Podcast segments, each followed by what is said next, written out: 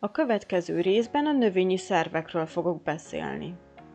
A harasztok, nyitva termők, zárva termők, szövetes hajtásos növények, a hajtás a leveles szár. Testük alapvetően gyökérre, szára és levelekre tagolódik. Ezek önfenntartó vagy vegetatív szervek. Az első hajtásas, leveles száras növények a harasztok. A törzsfejlődés során a nyitva termőknél jelenik meg a mag és a virág, továbbá a zárma termőknél a termés, melyek szaporító szerveknek tekinthetők. A magvas növényeknél a megtermékenyítést követően az igótából a magban létrejön az embrió vagy csíra. A csíra alapvetően három részre tagolható. A gyököcskére, amelyből a gyökérrendszer fejlődik ki, a rügyecskére, amelyből a leveles szár, azaz a hajtásrendszer jön létre, illetve a sziklevérre. A gyökér. A gyökér alapvető feladata a növény rögzítése, illetve a víz és a benne oldott ásványi anyagok felvétele. A gyökérrendszer. A gyökerek összessége gyökérzet, melynek két alaptípusa ismert. A főgyökérrendszer, melyre jellemző az erős központi főgyökér, melyből oldalgyökerek, azokból hajszálgyökerek erednek, előfordul a nyitva termők, illetve a zárva termők kétszikűek körében. A mellékgyökérrendszer nagy számú egyforma fejlettségű gyökerek jellemzőek. Oldalgyökerek, hajszálgyökerek itt is kialakulhatnak, az egyszikűek gyökérrendszere ilyen. A gyökérrendszer mérete a növényfajtától és a talajviszonyoktól függ. Például a lucerna gyökérzete az Alföldön 15-20 méter mélyre is hatolhat, a szuezi csatorna ásásakor tamariszkuszok 30 méter mélyre hatoló gyökereit is kiásták. A gyökérzet teljes hossza például egy töknél 20 km, rozsnövénynél akár a 80 km-t is elérheti. A gyökéren függőlegesen különböző működési zónák vannak az osztódási zóna, a megnyúlási zóna, a felszívási zóna és szállítási zóna. Az osztódási zóna a gyökér csúcsi részén található. Ez a rész osztódó szövetből áll, amit kívülről a gyökérsüveg véd, melynek sejtjei elnyálkásodva segítik a gyökér mozgását a talajban, továbbá a kőzetet roncsoló gyökérsavat is termelheti. A megnyúlási zónában a legerőteljesebb a sejtek hosszirányú növekedése auxin hatására. A felszívási zónát gyökérszőrök jellemzik. Legfejtőső sejtjei fokozatosan elhalnak, míg a csúcshoz közel újra képződnek, így biztosítva a folytonos tápanyag felvételt. A szállítási zónában a felszívott anyagok a gyökér egyszerű szállító nyalábjaiban száll- szállítódnak a szár felé. A gyökér keresztmetszete három szövettájat különböztethetünk meg. A csúcs mögött néhány centiméterrel a szállítózóna alsó határán. Bőrszövetrendszer gyökerszűreivel, az elsődleges kérget, melyet határozó, raktározó alapszövet épít fel, a központi hengert, amelyben az egyszerű szállítónyalábok helyezkednek el. A gyökér módosulások. A környezethez való evolúciós alkalmazkodás eredményeképpen a gyökerek gyakran jelentős átalakuláson mentek keresztül, különféle feladatok ellátására specializálódtak. Raktározó gyökerek, légzőgyökerek, gyökérgümők és fotoszintetizáló gyökerek alakultak ki. A raktározó gyökerek egyik formája a karógyökér, ahol a főgyökér vastagodik meg, ilyen például a sárgarépa, ahol a raktározott tápanyag a karotin. A gyökérgumók esetén az oldalgyökerek vastagodnak meg, többnyire keményítőt raktároznak, mint például salátaboklárka. A légző gyökerek az oxigénben szegény mocsaras talajban alakulnak ki, és a gyökér gázcseréjét segítik, átszellőztető szövetekben gazdagok, például a mocsárciprusnál. A gyökérgümőben anaerob heterotróf nitrogénkötő baktériumok a levegő nitrogén tartalmát ammóniává alakítják, mint például a pillangós virágú növény, növényekben. Egyes trópusi fánlakó orchidák lecsüngő gyökerei megzöldülnek és fotoszintetizálnak. A járulékos gyökerek. Ha a gyökér nem a csíra gyököcskéjéből, hanem szárból vagy lomblevérből fejlődik ki, járulékos gyökerről beszélünk. Ilyenek például a szívógyökerek, a koronagyökerek, a kapaszkodó gyökerek. A szívógyökerek például a parazita aranka járulékos gyökerei, Amik a megtámadott növény háncs elemeibe nőnek bele, onnan szerves anyagot vonnak el. Saját maguk nem fotoszintetizálnak. Ugyanakkor a fagyöngy például félparazita, a szívó gyökerek a megtámadott növény farészébe hatolnak be, ahonnan vizet és ásványi sókat vesznek fel. Fotoszintetizáló növények. A koronagyökerek, ilyenek például a kukorica, illetve a mangróva szétterpeszkedő támasztó gyökerei. Illetve kapaszkodó gyökerek, például a borostyán járulékos gyökerei. A hajtás a leveles szárat hajtásnak nevezzük, mely az embrió rügyecskéjéből fejlődik ki. A hajtás tengélye a szár, függelékszervei a levelek. A szár. Összekapcsolja a leveleket és a gyökeret, közvetíti a tápanyagokat, a növényi test tartóvázát adja. A hajtás fiatalkori alakja a rügy, melyet kívülről úgynevezett rügypikelyek borítanak. A rügy központi része a rügytengely, melynek csúcsa a hajtás csúcs. A rügytengelyhez oldalasan a levélkezdemények és az oldalhajtás kezdemények csatlakoznak. A rügytengelynek azon részeit, ahonnan a levélkezdemények erednek, szárcsomóknak nevezzük. A szárcsomók közti levélten, levéltelen tengelyrészek a szártagok. Rügyfakadáskor a szártagokban található közbeiktatott merisztémának köszönhetően a rügytengely megnyúlik, és a levelek eltolódnak. A rügyeket osztályozhatjuk helyzetük alapján, például csúcsrügy, oldalrügy vagy hónajrügy. Továbbfejlődésük alapján például lombrügy, virágrügy vagy vegyes rügy. Az alvórügy olyan tartalékrügy, amely a rendes rügyek károsodása esetén hajt ki. Ezek általában a szárban mélyített, rejtett rügyek. A szár és hajtás típusok. Két alaptípus különböztethetünk meg, a fás és a lágy szárat. A fás szár. A fás szár az ősibb, ebből jött létre a lágy szár, a sok éves növényekre jellemző. Fás szára van az összes nyitva termőnek, a sok éves kétszikűeknek, közismert fák, lehet bizonyos egyszikűeknek, sárkányfa vagy lyukka, illetve bizonyos harasztoknak, páfrányfák. A fás szár típusai. A fatörzs, ha a hajtása sokáig el nem ágazó, ágazó törzsből és a belőle kiinduló elágazó hajtásrendszerből a koronából áll. Cserje, ha a törzs hiányzik, a hajtás az alapjánál ágazik el, illetve pálmatörzs, ahol egyenletes vastagságú levélkoronát viselő, el nem ágazó fás szár van, melynek oldalán a lehullott levelek töveinek maradványa látható. A lágyszár a lágyszár puha állományú, esetleg a tövény gyengén elfásodhat, lehet egy vagy két éves. Ha üreges, akkor dudvaszár, ilyen a paradicsom, uborka vagy napraforgó szára. A lágyszár típusai. Szalmaszár, amely hosszú, üreges szártagú, bütykös csomójú csőszár. A szártagokat levélhüvely veszi körül. Ez jellemző a pázsitfűfélékre, gabonafélékre. Palkaszár, mely csak az alsó részén visel leveleket, például szittyók, kákák. A szár felépítése keresztmetszete. A fiatal, még lágy szár, akárcsak a gyökér, keresztmetszetét vizsgálva három szövettájra tagolódik. Bőrszövet elsődleges, kéreg, illetve központi henger.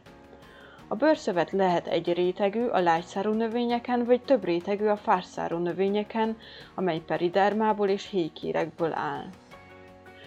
Az elsődleges kéreg raktározó alapszövet. A fiatal szárak zöldek, mivel a bőrszövet alatt zöld szintestek lehetnek, emiatt képesek fotoszintetizálni. A központi henger tartalmazza a szállító szöveteket alapszövetbe ágyazódva. A szár fejlődése. Attól függően, hogy a kambiom különálló kötegeket képez, akkor lágyszár marad, vagy összefüggő hengert alkot, ekkor fárszár alakul ki azaz a kambium a nyalábok között is kialakulva gyűrűvé záródik. A fásszárú növények is először lágyszárú csemeteként indulnak fejlődésnek, majd a kambium gyűrű záródásával alakul ki a fásszár. A lágyszár szerkezete a lágyszárban a szállító nyalábok elrendeződése lehet körkörös, mint a kétszikűekben, vagy szort, mint az egyszikűekben. Általános tendencia, hogy a fa elemek a szár közepe felé, a háncs elemek pedig perifériásan helyezkednek el. A fásszár szerkezete A fásszár a több éves zárva termőkre, illetve nyitva termőkre jellemző. Kívülről befelé haladva a következő rétegeket lehet megkülönböztetni. Több rétegű bőrszövet a héjkéreg. Élő háncs, ami általában néhány milliméter. Kambiumgyűrű, illetve fatest, melynek külső, vizet és sokat szállító élő része a sziács, az elhalt fatest a geszt, amely elsősorban szilárdító feladatokat lát el.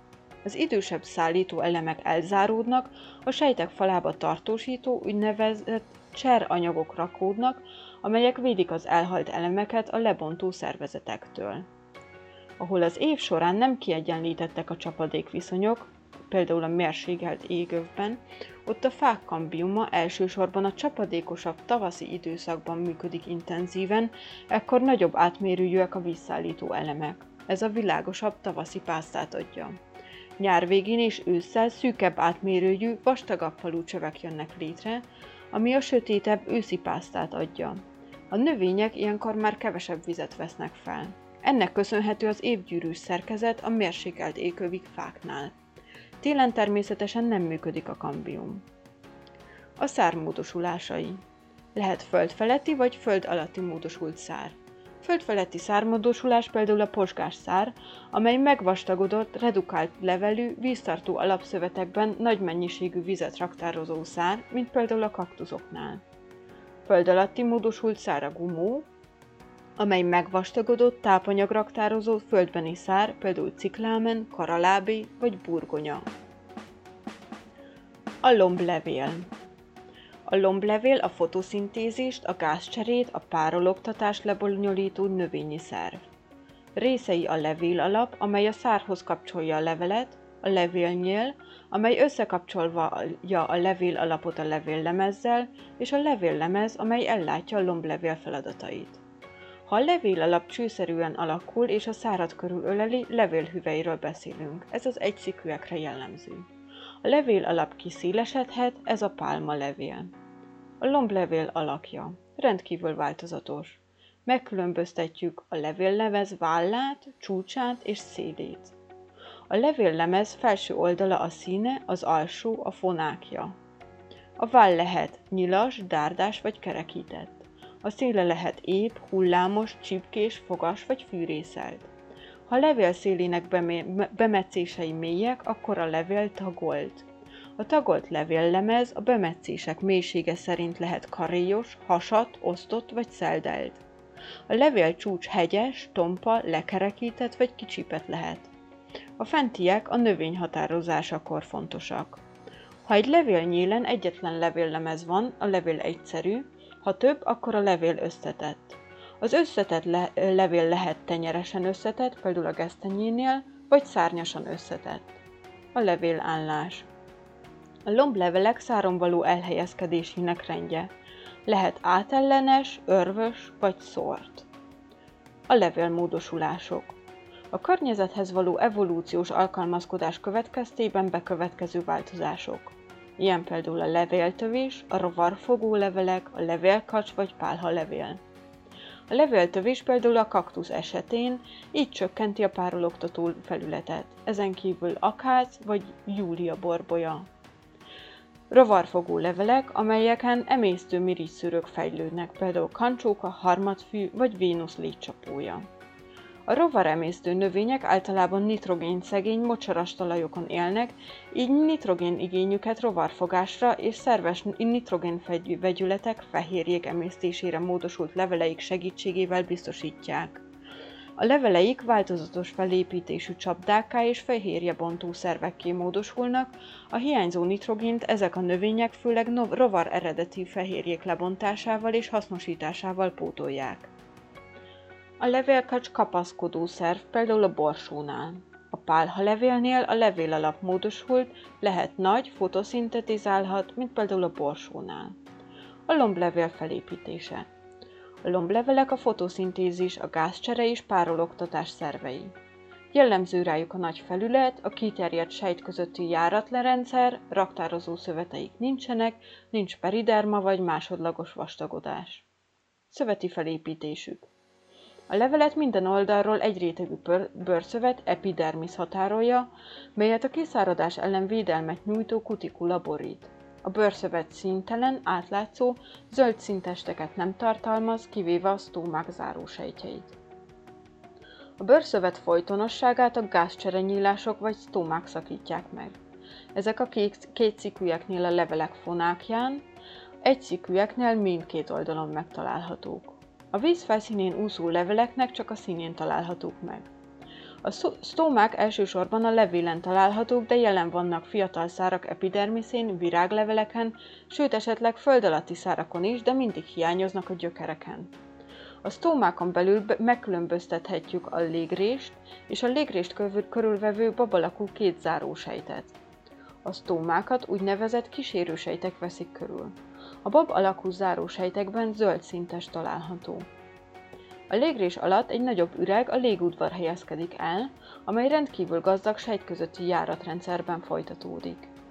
A gázcserenyílások tehát a sejtközötti járatrendszer felszíni kivezető nyírásai. A zárósejtek lehetnek az epidermis sejtek szintjében, közepes vízellátottságú növényeknél, ezek mezomorf növények, kiemelkedhetnek a bőséges vízellátottságú helyeken, ezek higromorf növények, vagy besüllyedhetnek a sivatagi, félsivatagi növényeknél, a xeromorf növényeknél. A párhuzamos erezetű leveleken, az egycikűeknél és a tűleveleknél, a sztomák párhuzamos sorokban, a hálózatos erezetű leveleken, a kétszikűeknél a sztomák szortan állnak. A sztomák kettős feladatot látnak el. Lebonyolítják a gázcserét, illetve végzik a párologtatást. A zárósejtek speciális felépítésük révén a légrést tágítani vagy szűkíteni képesek. Ha az zárósejtek kálium-iont és vizet vesznek fel, megduzzadnak, turgoruk nő és a légrés kinyílik. Ellenkező esetben a vízvesztés következtében a zárósejtek összezáródnak. A bőrszöveten belül található a zöld szintestekben gazdag, fotoszintetizáló táplálékkészítő alapszövet, melyre jellemző a gazdag sejt közötti járatrendszer. A kétszikű növények leveleiben szerkezete felépülhet a me- felületre melőleges irányban megnyúló sejtekből álló úgynevezett oszlopos alapszövetből és laza szivacsos alapszövetből. Az oszlopos réteg rendesen a levél felső oldalán helyezkedik el, alsó része szivacsos alapszövetből áll. Az ilyen kétszikűekre jellemző leveleken az ilyen kétszikűekre jellemző leveleken csak az alsó epidermiszen vannak sztómák. Az oszlopos alapszövet elsősorban a fotoszintézis helye, a szivacsos réteg pedig elsősorban a párologtatás szintere. Az egyszikűekben csak szivacsos alapszövet fordul elő, így a levél mindkét felszínén megtalálhatóak sztómák. A levél alapszövetében futnak a szállítónyalábok, amelyek a levél erezetét alkotják. A levél erezete A levél erezetét a levél lemezen futó szá- zárt szállítónyalábok képezik. Az erekben a farrész a levél színe felé, a háncsrész a levél fonákja felé néz. A tápanyagszállítás mellett, mivel szilárdító szöveteket is tartalmaznak, merevítik is a levelet, kifeszítve tartják a levéllevezt, s védik a széltépő hatásaival szemben.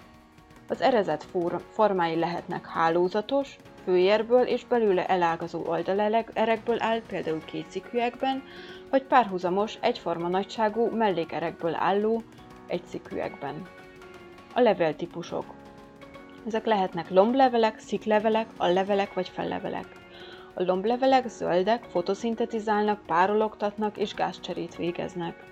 A sziklevelek a magban lévő csírának a részei, a csíra növény táplálásában van szerepük, tartaléktápanyagot, például keményítőt tartalmaznak.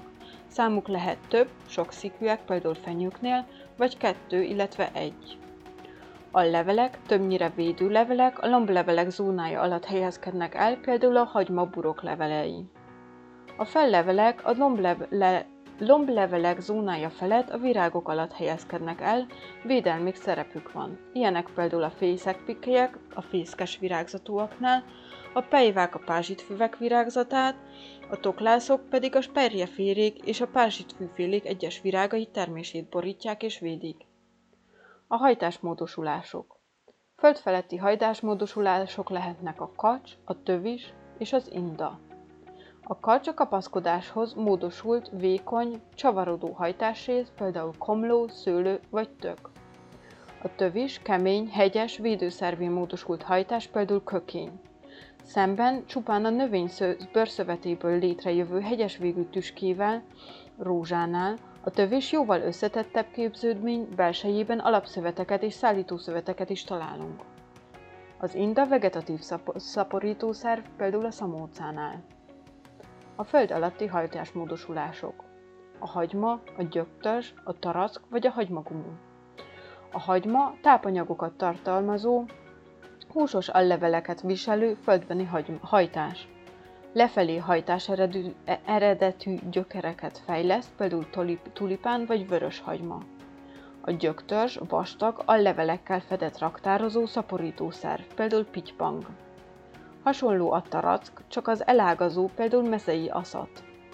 Hagyma alakú gyöktörzs a hagymagumó, például réti kardvirág. A hajtás élettartama. A virágos növényeket az szerint, hogy hányszor virágoznak, két nagy csoportba osztjuk.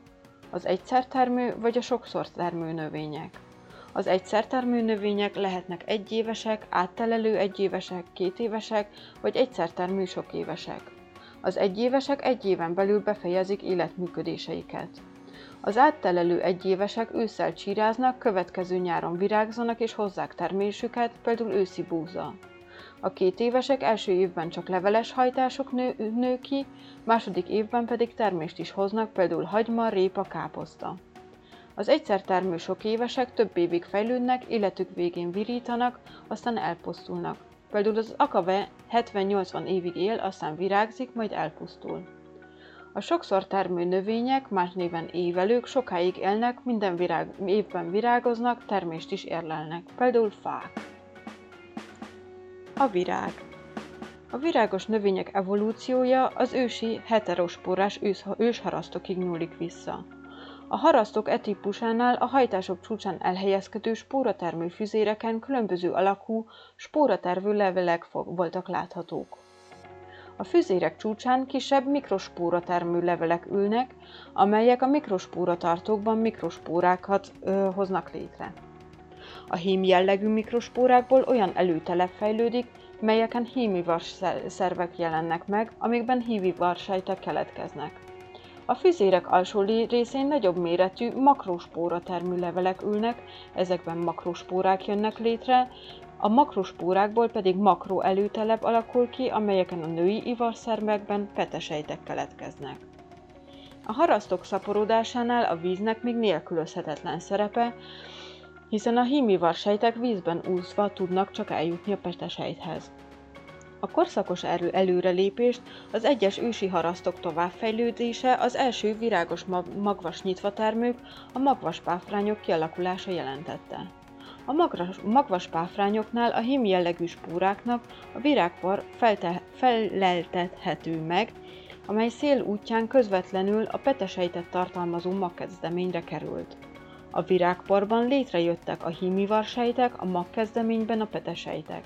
Ilyen módul közvetlenül egymás mellett jöttek létre, így már a megtermékenyítéshez nem volt szükség vízre. A magvas páfrányoknál a makrospóra már nem hagyja el a makrospóra tartót, itt alakul ki az erősen redukálódott előtelep, amin létrejön a női ivarszerv, és benne a petesejt. A mikrospórák a szél segítségével a makrospóra tartóban levő makroelőtelepre jutnak, itt néhány sejtes mikro, mikroelőtelepet fejlesztenek, melyen erősen redukált hímivar szervekben mi hímivar sejtek jönnek létre. A megtermékenyítést követően a makrospóra tartó sejtjei tartaléktápanyaggal látják el a fejlődő csírát, amely körül a makrospóra tartó védőréteget képzett, így kialakult az ősi mag, amelyben tehát a zigótából kialakult csíranövény, amely körül tartaléktápanyagban gazdag táplálószöveg jött, szövet jött létre, és az egész képződményt egy ellenálló védőréteg a maghéj vette körül. Mivel végső soron a heterospórás ősharasztokból a magras, magvaspáfrányokon át alakultak ki a mai virágos növények, az ősharasztok spórát termő részei megfeleltethetőek a virág egyes részeinek. Ez a következő képen foglalható össze. Az ősharasztoknál a mikrospóra termőlevél a porzó levéllel, a mikrospóra tartó a pollenzsákkal, a mikrospóra az egysejtes pollennel, a hím előtelep a vegetatív sejtekkel, a hím ivarszerv a generatív sejtekkel, a hím ivarsejt a hímivarsejtel, illetve a makrospóra termőlevél a termőlevéllel, a makrospóra tartó a magkezdeménnyel, a makrospóra az embrióság sejtel, a női előtelep az embriózsák sejtel, a női ivarszerv, illetve petesejt, a segítő sejtek a petesejtel feleltethetőek meg. A magvas páfrányok, virágos növények kialakulása három szempontból igen jelentős. A megtermékenyítés folyamata függetlenné vált a víztől. A tartalék tápanyagnak köszönhetően a csíra fejlődése egy ideig független a környezet tápanyagtartalmától, a csíra nem a földön alakul ki és kezdi meg önálló életét, hanem védve az anyanövényen. A virágos növények közé ma két törzs tartozik, a nyitvatermők és a zárvatermők. A nyitva termők voltak az első virágos növények, virágjaik jelentéktelen megjelenésűek, ezért a zárvatermők virágszerkezetét vizsgáljuk meg részletesen. A zárvatervű virág felépítése A virág korlátolt növekedésű, módosult leveleket viselő szaporító hajtás. A virág a virágtengelyből és a viráglevelekből épül fel. A virágtengely alsó része megnyúlik, amit kocsánynak nevezünk. A kocsány felső kiszélesedő részét vacoknak nevezzük. A viráglevelek lehetnek virágtakaró levelek, ide tartoznak a csésze, a párta vagy a level, lepel, illetve az ivarlevelek, amelyek a porlótáj és a termőtáj.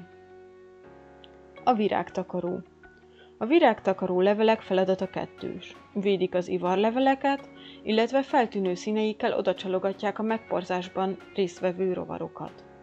A virágtakaró levelek lehetnek külön neműek, azaz csészére és pártára különülnek, ez a kettős virágtakaró a készikűekre jellemző, illetve egyneműek, amikor a takaró levelek egyformák, nem különböztethető meg csésze és párta, ilyenkor lepelről beszélünk.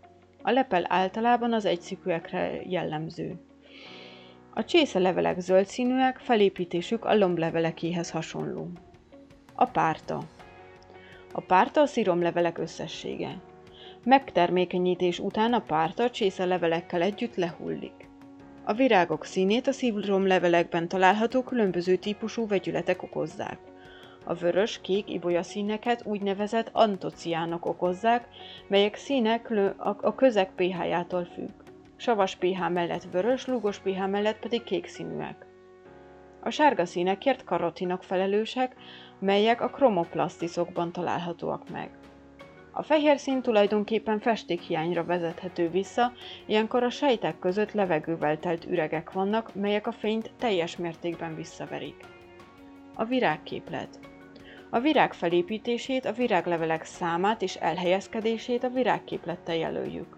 A virágképlet betűkből, számokból és jelekből áll. A viráglevelek megjelölésére azok, a nagy, azok nagy kezdőbetűit használjuk. A betűk sorrendje azonos a virágtengelyen alulról felfelé, kívülről befelé egymás után elfoglalt helyükkel. A virágtagok betűjele utáni számok az egyes körökön belül elhelyezkedő adott virágtag számát jelenti. Az adott, ha az adott tagok több körön találhatók, akkor az egyes körön levő tagok számát plusz jellel kapcsoljuk össze. Ha a számok zárójelben vannak, az a tagok összeolvadását jelenti a megfelelő körön belül. A magház helyzetét a termőjelének alá vagy fölé húzásával jelöljük. A virágdiagram A virágdiagram egy egyszerűsített ábrával szemlélteti a virág szerkezetét.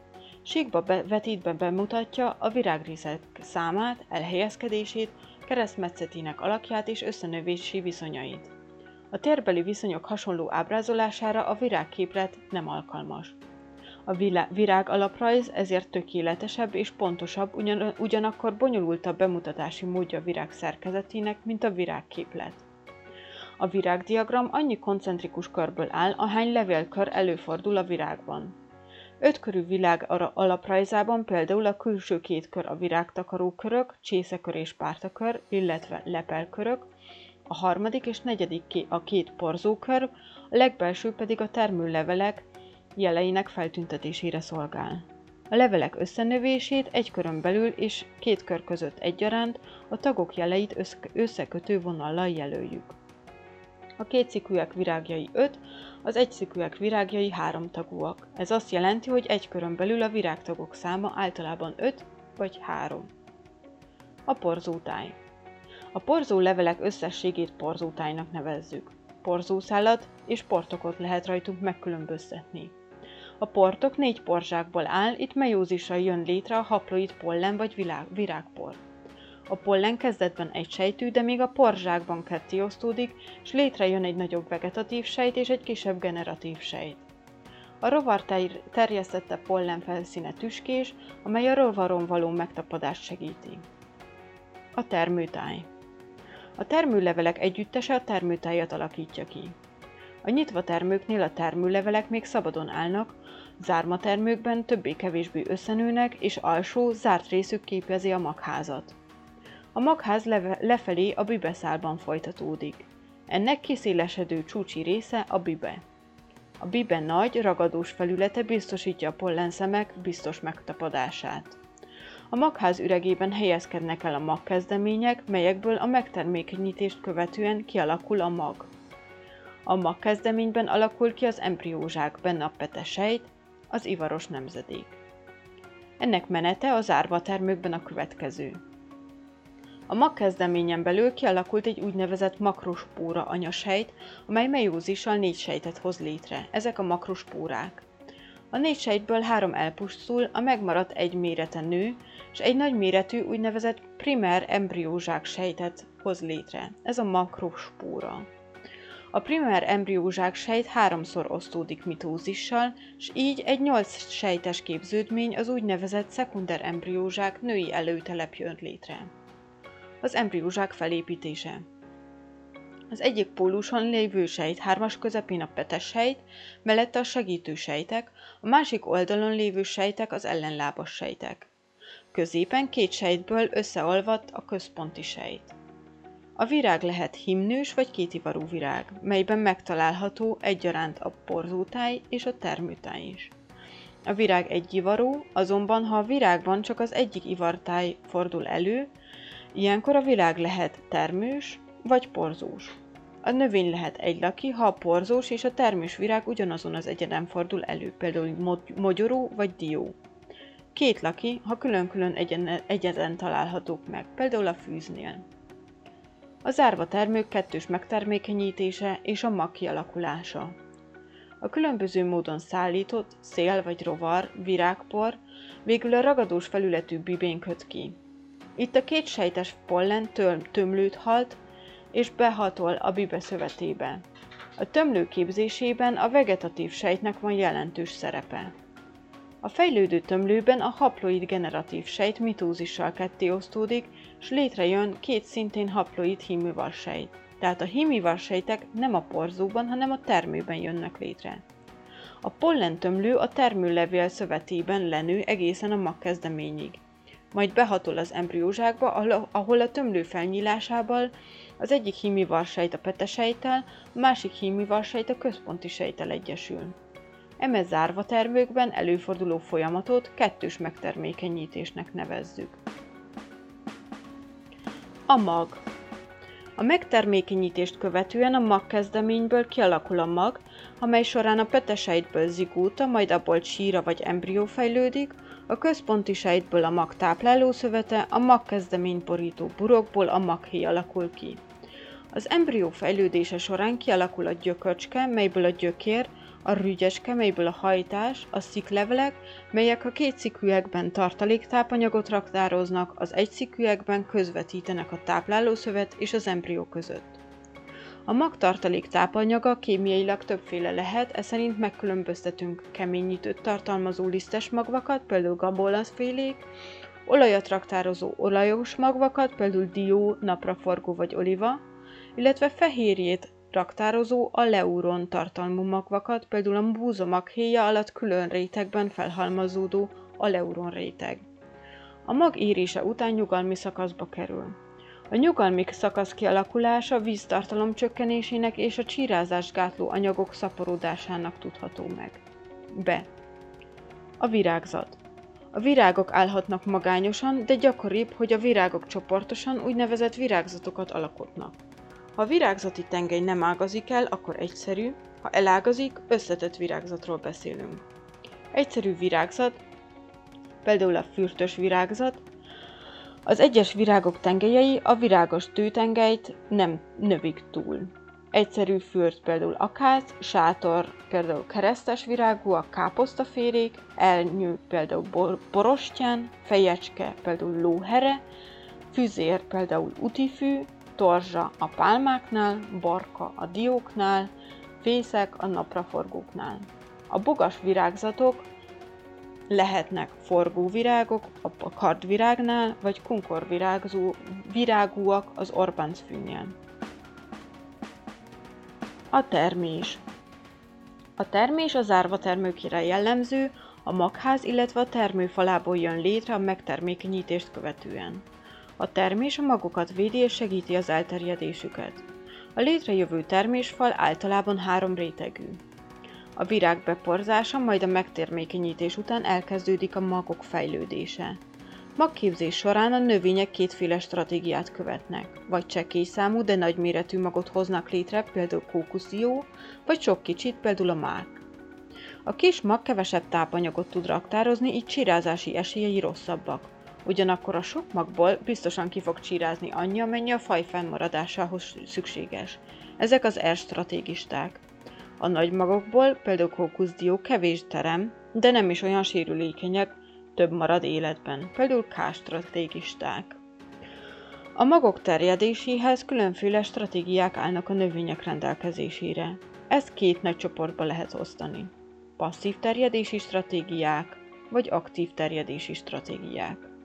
Passzív terjedési stratégiák esetén a növény semmilyen aktív mozgással nem vesz részt a magok terjesztésében, ekkor az elterjedést a termés alakja, tulajdonságai teszik lehetővé. Ilyen terjedés a széllel történhet, ebben a mozgásban különféle repítőkészülékek segítik őket. Történhet vízzel, a folyók, patakok, tavak vizei állandó mozgásban vannak, így alkalmasak a magok terjesztésére. Trópusi fajok közül említést érdemel a kókuszdió. Hazánkban a súlyom termése érés után leválik a növényről, és a víz felszínén levegbe jut el az új területekre. Terjedhetnek a magok állatok által is. Sok növény termése horgas vagy ragadós. Ezek beleakadnak az állatok bundájába, melyek nagy távolságokra elhordhatják őket. Egyes magok, fajok magjai, termései ehetőek. Az állatok elfogyasztják az egész termést, magot, mely sértetlenül áthalad az emésztőcsatornán. Esetenként állatok egyszerűen elraktározzák egy odúba vagy az avar alá télire a magot. Az elfelejtett magok aztán tavasszal csírázásnak indulnak. Az aktív terjedési módok esetén egyes növények képesek arra, hogy aktív mozgás segítségével segítsék saját terjedésüket. Ennek során a növények különböző módon felnyíló termésen nagy erővel jókora távolságra lövi ki és szórja szét a magokat. Például a bab hüvelye száradás közben megcsavarodik, így a kipergő babszemeket a szélrózsa, szélrózsa minden irányába széthinti.